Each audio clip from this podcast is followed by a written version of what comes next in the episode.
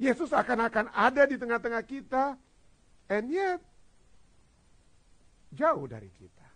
What makes she had the touch of faith than the other?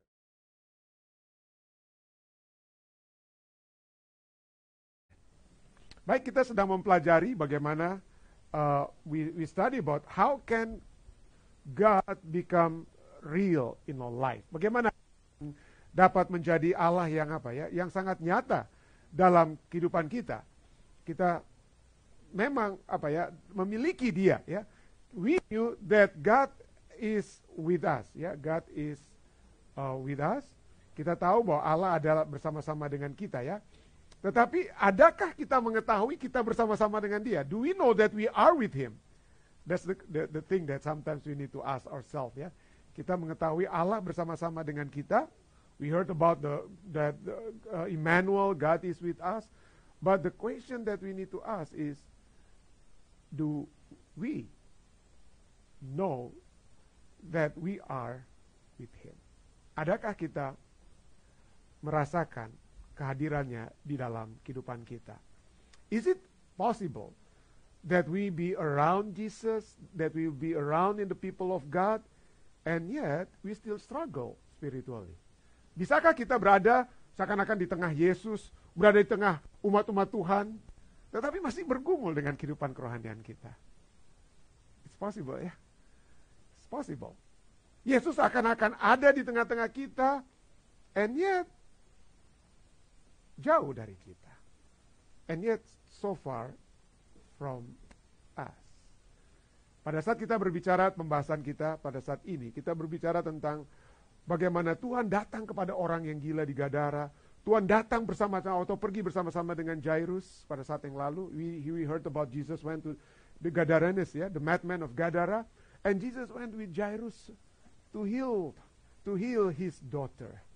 And now, we will be studying about the story in between the story of Jairus. Kita sudah mention a little bit ya. And this is so special, uh, so special ya, cukup, cukup spesial pelajaran tentang wanita yang mengalami pendarahan. Berapa tahun? 12 years ya. 12 years been bleeding. Okay? And why this is so significant? Because this is the story, the story about the bleeding woman is also the longest, the detailed one in the book of Mark. Kenapa dia juga cukup spesial di buku Markus? Karena ini adalah satu peristiwa yang ditulis cukup panjang di mana? Di kitab Markus. Not only that, this is also the only event in which Jesus heal without even talk. Without even say anything. Ini satu penyembuhan yang Yesus buat tanpa dia harus buat apa-apa. Dia nggak harus bicara. Ya, Yesus tidak harus apa? Berbicara. Dan inilah ya kita lihat. Dan ini berhubungan juga dengan apa yang terjadi dengan Jairus. This is also a story that that relate intertwined with the story of Jairus' daughter, the healing of Jairus' daughter. Okay, the healing of Jairus' daughter. Now, uh, masalah sedikit ya, nggak bisa hilang. Oke. Okay. Ya.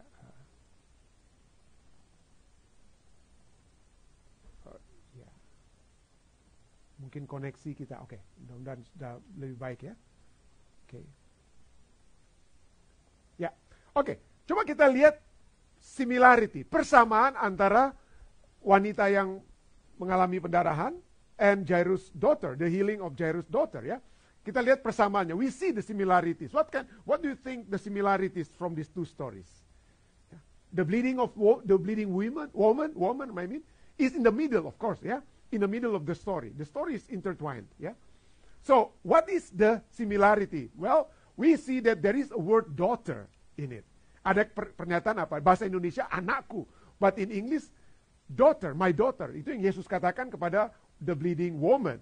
Ya, jadi ada kata my daughter. For example di Markus 5 ayat 23, 35, my little daughter lies at the point of death. Lalu di ayat 35, your daughter is now dead.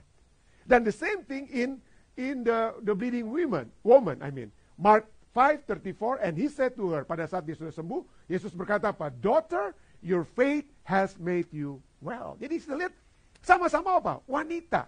Sama-sama wanita. Of course, Yeah, this is younger one than the other one. Yeah, but you see, there is a number 12 mentioned at the same time. Ada bilangan 12 yang sama-sama disebutkan di dalam uh, kedua kisah ini. Misalnya, usia daripada anak Jairus, the, the age of Jairus' daughter is 12 years of age. While the, the woman, he was bleeding for 12 years. How old would the, the woman be? Berapa kira-kira usianya? Ada yang bisa tebak? Kalau dia pubertinya 13, 13, if the puberty was 13 plus 12, most probably 25 years old. Most probably she was 25 years old. So these are the similarities that we can see why the why the story is being grouped together. Of course, there is a differences. Ada perbedaan juga ya. Jairus come from the prominent family dari keluarga yang apa ya? Yang baik, terkenal. While this woman, this woman, wanita ini, waduh dia bukan keluarga terkenal. It's not, she's not rich like Jairus. Yeah, she was nobody. This woman was nobody. Okay, another thing that is interesting to see from this story is there are so many people. Ada begitu banyak orang yang ada sama-sama dengan Yesus. They throng him. Apa berdesak-desakan ya. They were crowd that came ya. And this is something happen ya. Orang banyak berbondong-bondong follow Jesus and followed and in the midst of that orang yang berbondong-bondong in the midst that the people that press around we, saw last time last Sabbath the picture ya when Jesus was like you know ditekan dari semua sisi dikerumuni he was pressed on all sides crowd upon yeah. and yet in the midst of that only one woman healed what happened with the other people are they not sick the people that follow Jesus? Apa mereka tidak ada yang sakit, biar flu atau apa? Ada tentunya ya. So many people were sick at that time. Ya. Those who crowd him. Yang apa? Yang mengerumuni Yesus. Itu so many. We will study, let, we will study ya. So many people were sick actually. But why only one healed? Kenapa cuma satu yang sembuh daripada yang banyak? Mari kita baca. Oke, okay, ceritanya. Mari kita baca ya. Let's, let's read the story.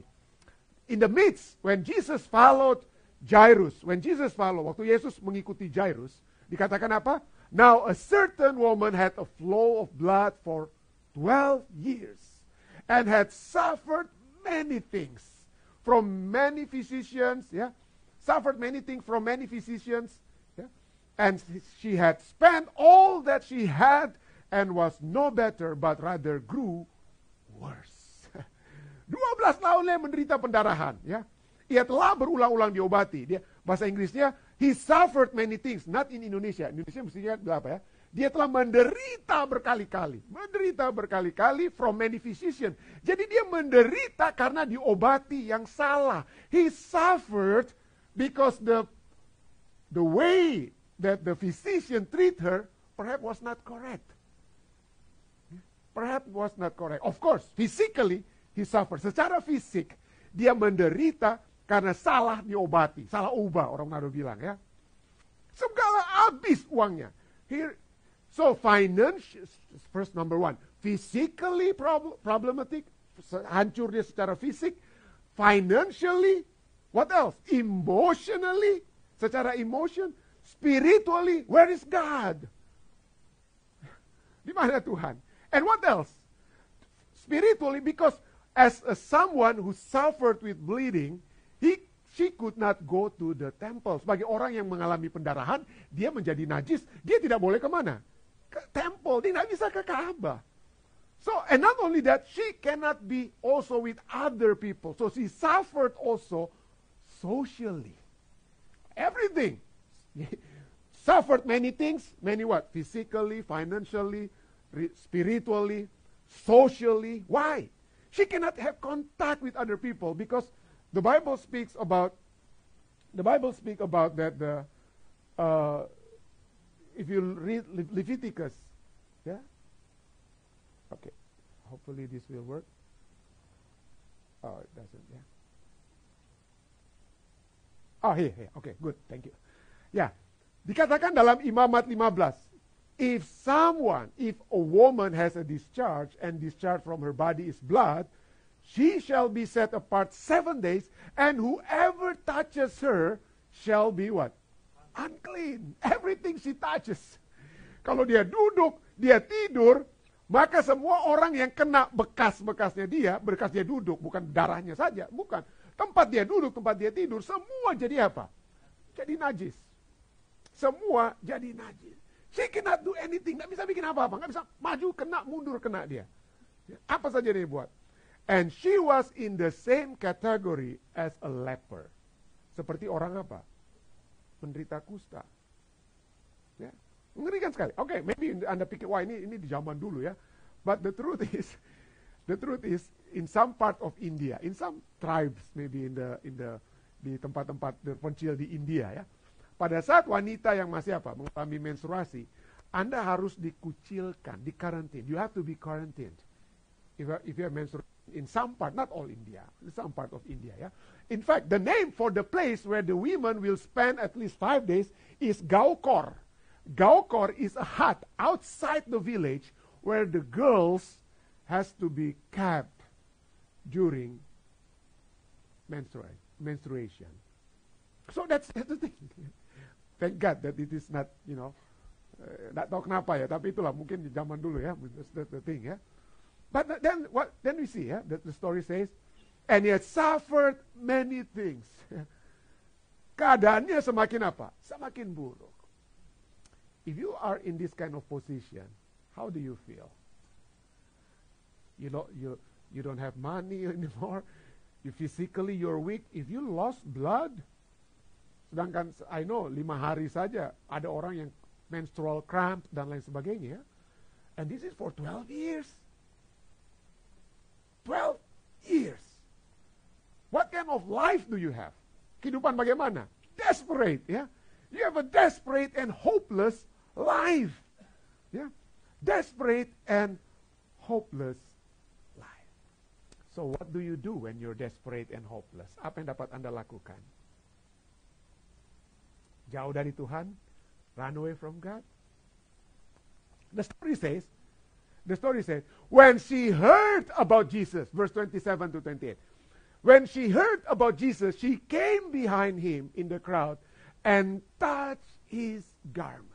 Pada saat dia mendengar berita-berita tentang Yesus, maka di tengah-tengah orang banyak, in the midst of the crowd, when people were so close to one another, ia mendekati Yesus dari belakang dan menjamah jubahnya. I was wondering, how can she move? Most probably she could be crawling. Dia mungkin sudah merangkak. Ya. Dia mungkin apa? Merangkak. And on the way to touch Jesus, to touch not only Jesus' hand, his garment, ya. On the way to touch, she must have touched other people. Ya. Pada saat dia ingin menjamah Yesus, dia akan bersentuhan dengan apa? Orang lain. What does that mean? What does that mean? She make other people what? Unclean. And she is supposed that what the Jewish people prohibit people like her to touch the rabbi. You cannot touch just other people. How much more the rabbi, the teacher? She could not touch Jesus actually by, by Jewish law, you know. But when in her desperation, she went, she went dengan des, dengan putus keputus asaan dia pergi kena orang kiri kanan mungkin sambil merangkak and then touch Jesus garment. Ya. Touch Jesus garment. Kenapa? Why would she come to Jesus? Why would she come to Jesus? Why? Because of the word what? She heard. Dia sudah mendengar berita tentang Yesus. And in desperation, her faith arrived. Dalam keputusasaannya, imannya justru apa ya? Tumbuh. Dan kenapa kata heard ini, mendengar ini penting sekali? Kenapa? Apa ada ayat Alkitab yang menghubungkan antara iman dan hearing? Apakah is there a word in the Bible speaking about that the faith may arise from hearing? Di mana itu? Iman timbul dari apa? Pendengaran dan pendengaran akan apa? Firman Allah. Ya. Iman timbul dari pendengaran dan pendengaran akan firman Allah, firman Kristus. This is it. So, what kind of hearing that she heard about Jesus? Tentang apa yang dia dengar tentang Yesus? That Jesus healed the sick, right? Oke, okay. yang di mana itu misalnya? Ya, she heard about Jesus, and then, you know, perhaps, perhaps, mungkin dia sudah mendengar berita tentang Yesus ya. Dia sudah mendengar berita tentang Yesus yang mana Jesus even touched the leper. Ya, in Mark 1, 40 to 42, Jesus, you know, moved with compassion when there was a leper, ada orang yang sakit kusta, lalu apa? Yesus, dia datang pada Yesus, lalu apa? Yesus anak Allah dikatakan, if you are willing, kalau engkau mau, ya, setelah dia berlutut, jika engkau mau, engkau dapat mentahirkan aku. Maka tergeraklah hatinya oleh belas kasihan, dia ulurkan tangannya, Yesus ulurkan tangannya, menjamah orang itu. Dan Jesus stretch out his hand and touch him. Touch him. Dan jadilah orang itu apa? He was cleansed. Jadi dia sudah mendengar, she heard about Jesus touched someone with leper. But that's not the only thing that she heard. She also heard, based on Mark 3, verse 8 and 10, there was great multitude. Dikatakan Markus 3, I'll be reading in Indonesia ya. Markus 3 ayat 8 dan ayat 10. Datang banyak orang kepadanya sesudah mereka mendengar segala yang dilakukannya. Ayat 10. Sebab ia menyembuhkan banyak orang, for he healed many. Ia menyembuhkan banyak orang sehingga semua penderita penyakit berdesak-desakan kepadanya hendak menjamahnya. Ya. So the people who were sick came to touch Jesus. So there are two things. First, Jesus touched. The second thing, the people touched Jesus. And in both cases, they were all what? They were all healed. Dalam kasus kedua kasus tersebut, baik Yesus yang menjamah atau Yesus yang dijamah, semuanya apa? sembuh. But look, this is, they touched both of those stories. They touched perhaps Jesus' hand. They touched Jesus' hand. But this woman is so special. Why? Because he did not touch Jesus' body. She did not touch Jesus' body. Dia tidak menjamah, memegang tubuh Yesus. Apa yang dia, ya, apa yang dia pegang? Garment, bajunya saja. He just touched the garment.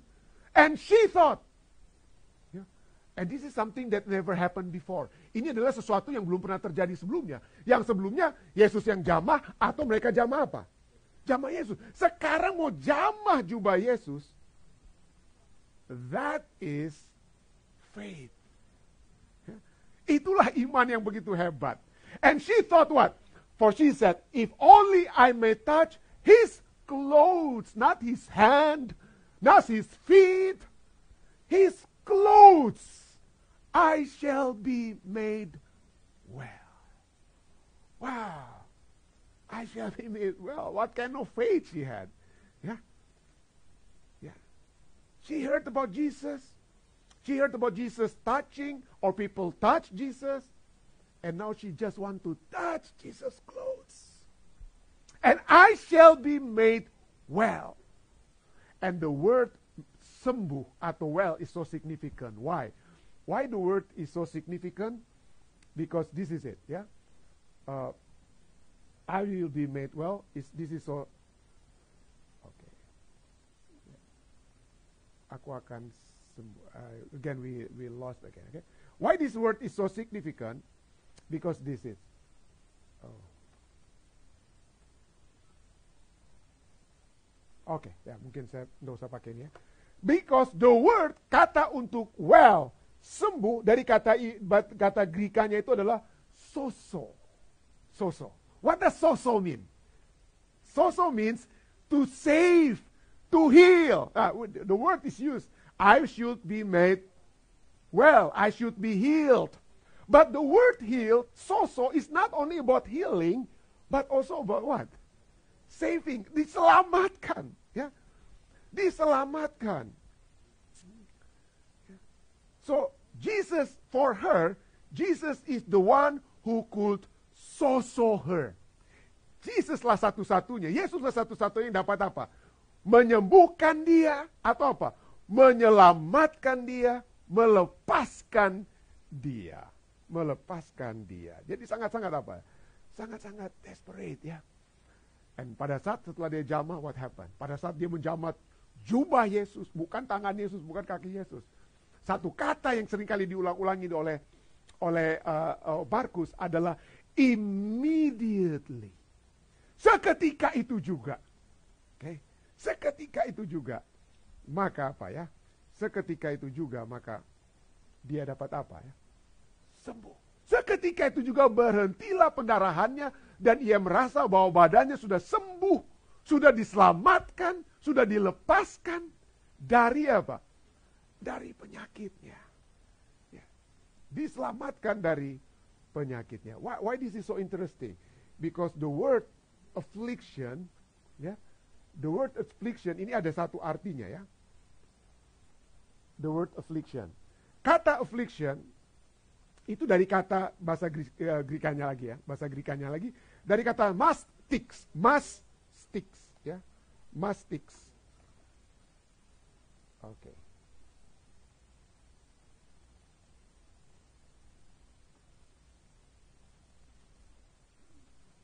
Oke, okay, ya, yeah, yeah. Kata Greka untuk untuk affliction atau penyakit adalah apa ya? Mastix, mastix. Artinya apa? A whip, scourge or plague. Dia disembuh daripada cambuknya, dari bencana yang dialami, dari wabah. So she felt like her, her sickness is like a whip, a scourge, or a, a plague. A disease that carried a torturous level of pain. Penyakit yang membawa ting tingkat rasa sakit yang apa ya? Tingkat rasa sakit yang menyiksa. Immediately dikatakan ya. Immediately she feels well. Immediately she feels well. Lalu berikutnya ya. Oke. Okay. Oh, ya. Yeah. Oke okay, ya. And Jesus ketika lalu ayat 30 ya.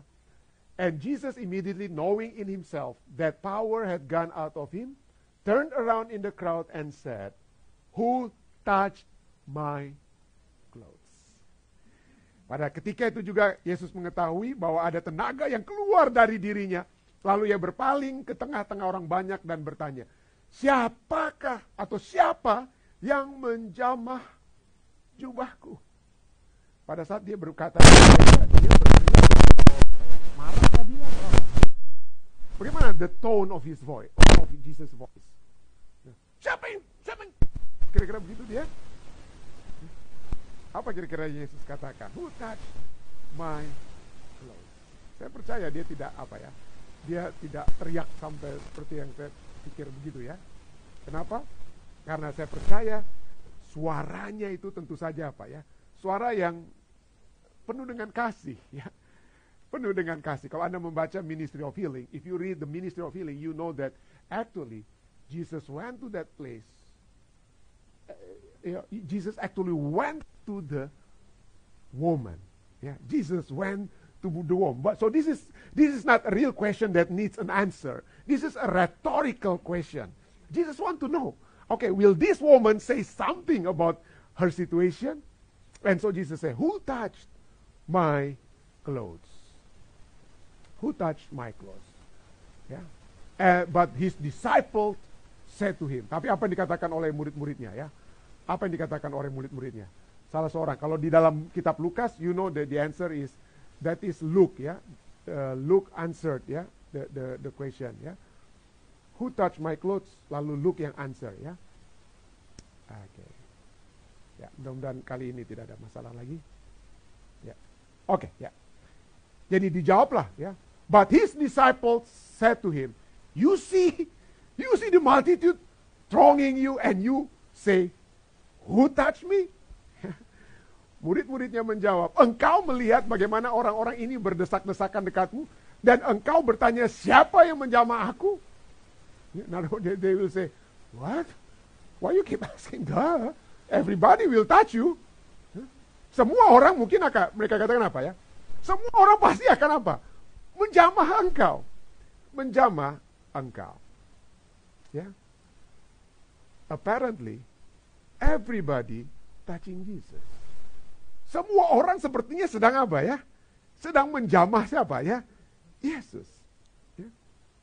The answer to to the question of the disciple, to, to the, the question, the answer to the to Jesus question, jawaban dari pertanyaan Yesus, siapa yang menjamah jubahku?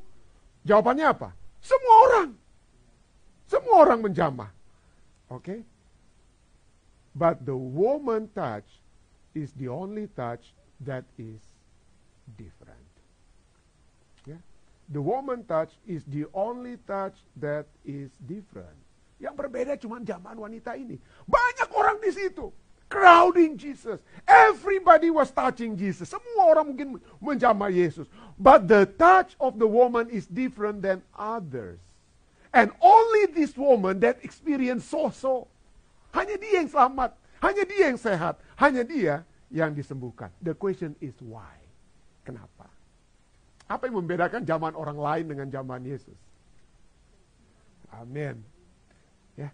Zaman yang membedakan antara zaman wanita tersebut dengan zaman orang lain adalah yang lainnya itu adalah casual touch. Eh, oh, eh. biasa, so biasa-biasa saja. Ya.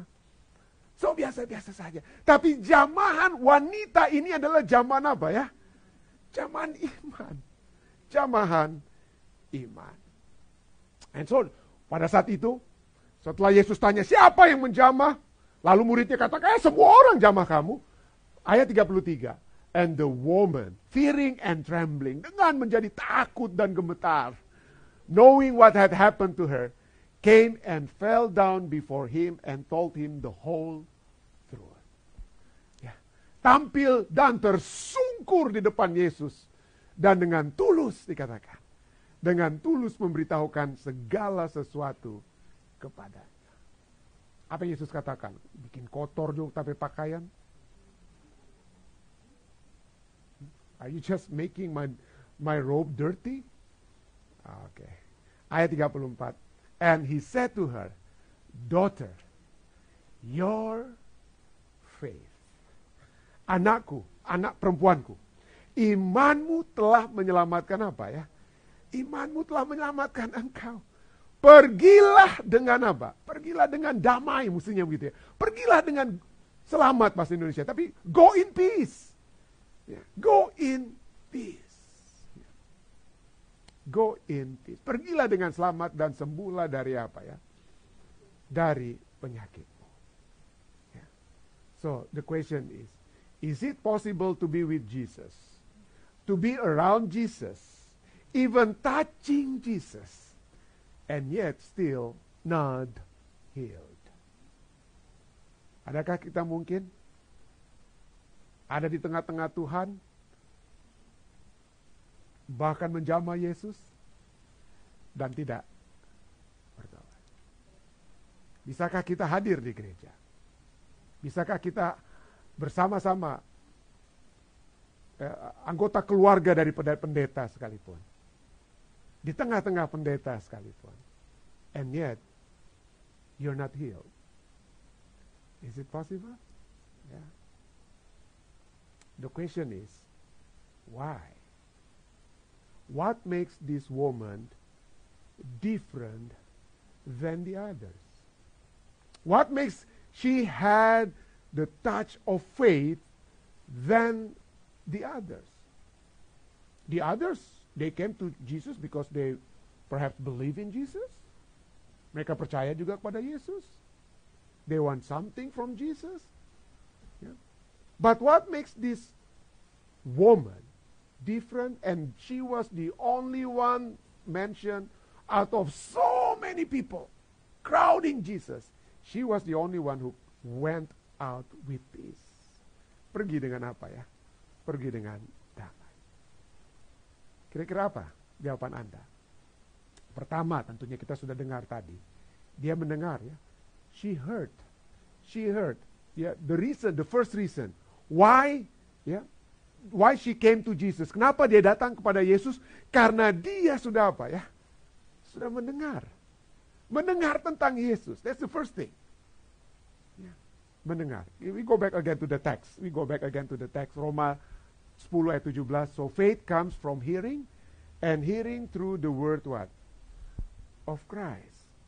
So when apostle mentioned about this Romans 10 verse 17 in the context that the gospel must be responded. Bahwa Injil harus di apa? Diterima. But we will never receive the gospel without what? Hearing the gospel. Kita tidak pernah akan menjawab ataupun memberikan respons terhadap Injil kalau kita tidak apa ya? Tidak mendengar. Kita tidak mendengar. Kita puji Tuhan di Jemaat Fisdak ya. Kita selalu memiliki venue, memiliki kesempatan, Tuhan memberikan kesempatan. Terima kasih kepada Fisdak Media Ministry. Yang mana kita memiliki venue, kesempatan untuk setiap malam. Setiap malam dapat memiliki pendengaran firman Tuhan. Ya. And we can see there are changes in people. I can see the changes in me. I can see the changes in some people. Saya dapat melihat perubahan di orang-orang lain. Kita sudah sering membahas tentang hal ini. Ya. Bagaimana firman Tuhan itu begitu apa ya?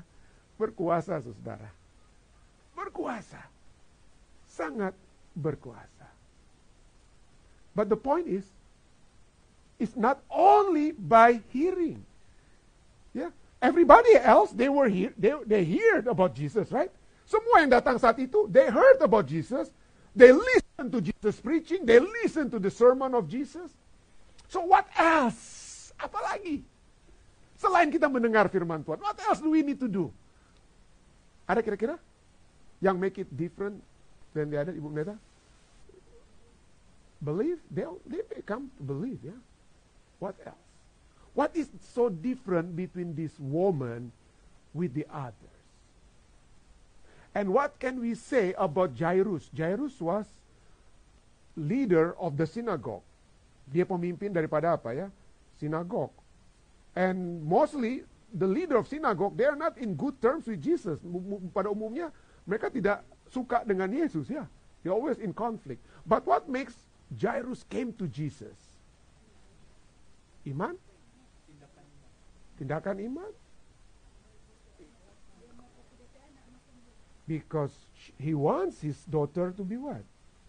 To be healed. And what about this woman? Same thing. Desperation. Keputusasaan, saudara ya. Desperation. Ya, putus asa. This is my only hope. Jesus is my only hope. I cannot put my hope in the rabbi, in the Jewish rabbi. I cannot put my hope in pastor. I cannot put my hope in this and that. I cannot put my hope in church. Let me put my hope in Jesus. There's a statement by John Eldred. John Eldred says, We need Jesus like we need oxygen. Like we need water, like the branch needs the vine, Jesus is not merely a figure for devotion, He is the missing essence of your existence. Whether we know it or not, we are desperate for Jesus. Kita membutuhkan Yesus seperti kita membutuhkan oksigen, seperti kita butuh air, seperti cabang membutuhkan anggur. Yesus bukan hanya sosok untuk pengabdian. Dia adalah esensi yang hilang dari keberadaan Anda. Apakah kita mengetahui atau tidak? Kita sangat membutuhkan Yesus. Saya tahu ada di antara kita yang yang waktu kita kena COVID kayak saya hampir mau mati, saudara. Rasanya ya batuk-batuk, udah batuk-batuk di rumah especially when I'm taking a bath, yeah, when the, the shower came to me and I cannot breathe because I have to hold my breath. And I to cough and cough and cough. I did not tell my wife. I told myself, I, I have to go to hospital. It's terrible. Mau mati rasanya. Mau mati rasanya. And the only thing that I could do at that time was just sitting down in bathtub and pray. Yeah. Sitting there, Lord, if I have to go, let me go. Yeah. And and we have people, people like that in giving testimony in our in our uh, evening worship. Yeah. Seperti Om Pendeta Rain. What did Om Rain say long long before he died? Neta Stephen, I'm ready if I have to go. Because I'm Jesus. I'm ready. I don't have to be afraid if I have to die. Because I have Jesus. Desperate what? Desperate for. Kayak kita mau tenggelam tanpa Yesus.